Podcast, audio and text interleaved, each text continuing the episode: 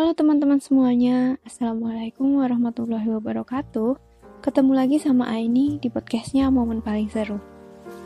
Ini udah masuk bulan November. Kerasa gak sih kita udah ngelewatin hari-hari di tengah pandemi selama kurang lebih 9 bulan lamanya Atau baru masuk 9 bulan ya? Kurang lebih segitu ya.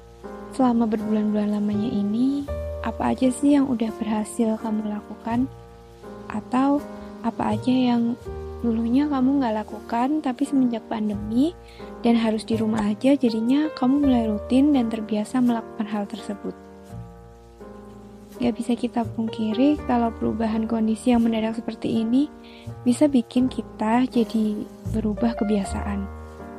Mungkin yang dulunya jarang masak, sekarang jadi rajin masak karena sering di rumah. Mungkin yang dulunya sibuk di luar, semenjak di rumah aja jadi lebih perhatian dengan kenyamanan rumah.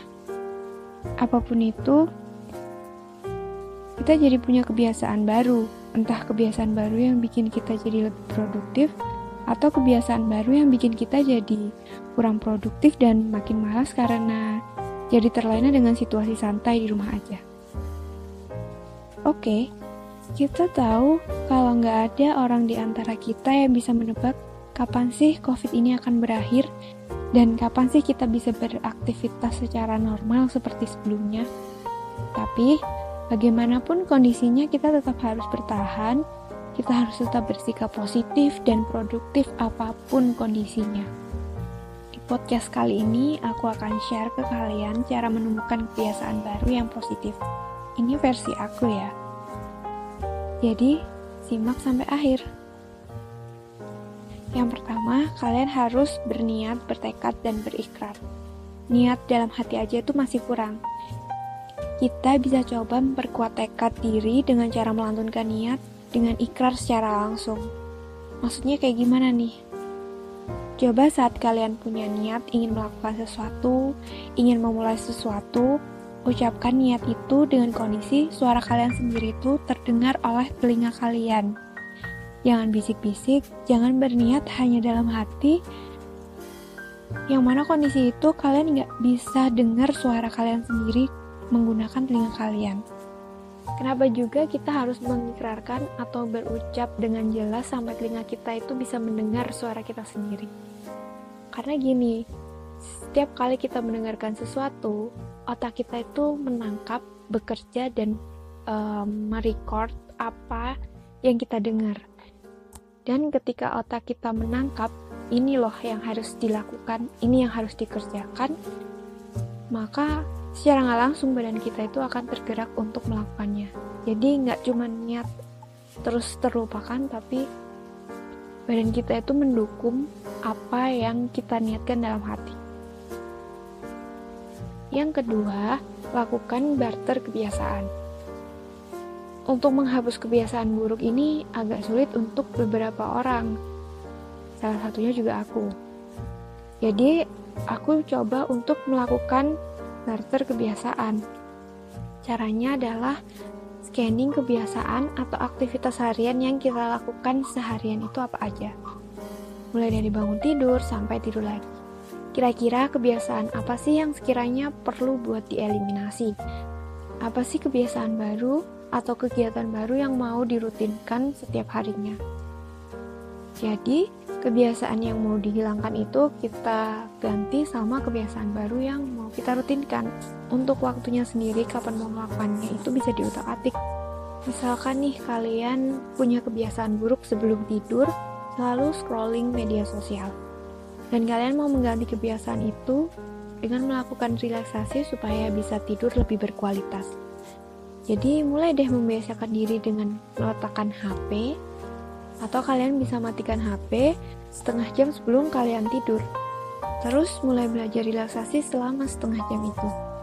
Terus nggak boleh cek media sosial sama sekali gitu. Boleh aja cek media sosial kalian di waktu senggang seperti setelah makan siang atau waktu jam istirahat. Tapi ingat ya, jangan terlalu lama kalian bisa pasang alarm misalkan 3 menit atau 5 menit buat buka media sosial dan lakukan kegiatan yang penting aja. Misalkan balas chat dari teman, cari informasi di akun tertentu, dan sebagainya. Ingat juga kalau alarmnya udah bunyi dan tujuan utama di media sosial udah selesai, kalian harus stop buka media sosial dan lanjut lakukan kegiatan lainnya. Disiplin adalah kunci.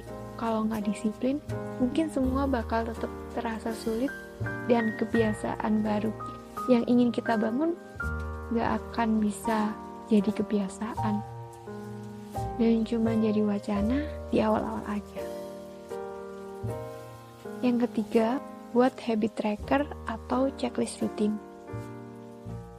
Habit tracker ini bisa bantu kita untuk mengontrol seberapa rajin sih kita buat melakukan kebiasaan baru ini. Bisa tulis di kertas atau di HP, bisa juga berupa kolom-kolom yang nantinya kita isi setiap kali kita melakukan kegiatan tersebut. Nanti lama-lama kegiatan itu bakal jadi kebiasaan dengan sendirinya. Kayak dulu waktu masih sekolah tuh aku inget banget waktu SMP ada kegiatan rutin yang memang kita harus minta tanda tangan sama guru kalau kita selesai mengerjakan kegiatan itu.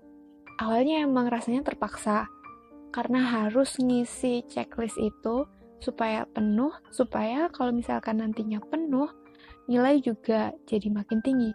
Tapi nggak nyangka setelah masa SMP berlalu, kebiasaan ngelakuin kegiatan itu jadi semacam kebutuhan, nggak cuman kebutuhan untuk memenuhi checklist, padahal checklistnya kan udah selesai. Tapi kegiatan itu jadi semacam melekat ke diri kita, dan kalau misalkan nggak dikerjakan tuh rasanya rasa aneh dan kerasa ada yang kurang aja. Yang kelima adalah kasih reward ke diri sendiri. Siapa sih yang nggak suka hadiah? Kalian bisa kok kasih hadiah ke diri sendiri setiap kalian berhasil melakukan sesuatu atau setiap kali kalian berhasil mencapai target. Reward yang bisa kalian berikan ke diri sendiri ini bisa berupa barang atau aktivitas yang menunjang kebiasaan baru tersebut. Misalkan kalian lagi merutinkan buat baca buku sebanyak 5 lembar per hari. Dan ternyata kalian berhasil ngelakuin ini selama satu bulan kalian bisa kasih reward yang berhubungan dengan aktivitas kalian itu. Mungkin kalian bisa kasih reward dengan, oke okay, biasanya jatah bulanan beli buku adalah cuma dua. Tapi berhubung target itu, targetnya kalian itu terpenuhi, kalian bisa beli tiga buku, dua buku pengembangan diri, terus satunya itu rewardnya adalah buku novel atau komik yang kalian suka. Kalian bisa kok kasih reward seperti itu? Jangankan 5 lembar per hari, kalau orang udah suka baca novel atau komik, biasanya sehari ngabisin satu buku tuh bisa. Iya nggak sih, para pecinta novel dan komik? Itu tadi adalah cara menumbuhkan kebiasaan baru yang positif sesuai pengalaman aku. Emang untuk awal akan terasa sulit dan agak maksa. Kuncinya Pokoknya nikmati aja prosesnya dan sabar. Ingat semua butuh proses dan proses itu butuh waktu. Kalau kalian ngerasa podcast ini membantu, silahkan share ke media sosial kalian dan share ke teman-teman kalian juga supaya manfaatnya juga dirasakan oleh orang banyak. Sampai jumpa di podcast selanjutnya. Assalamualaikum warahmatullahi wabarakatuh.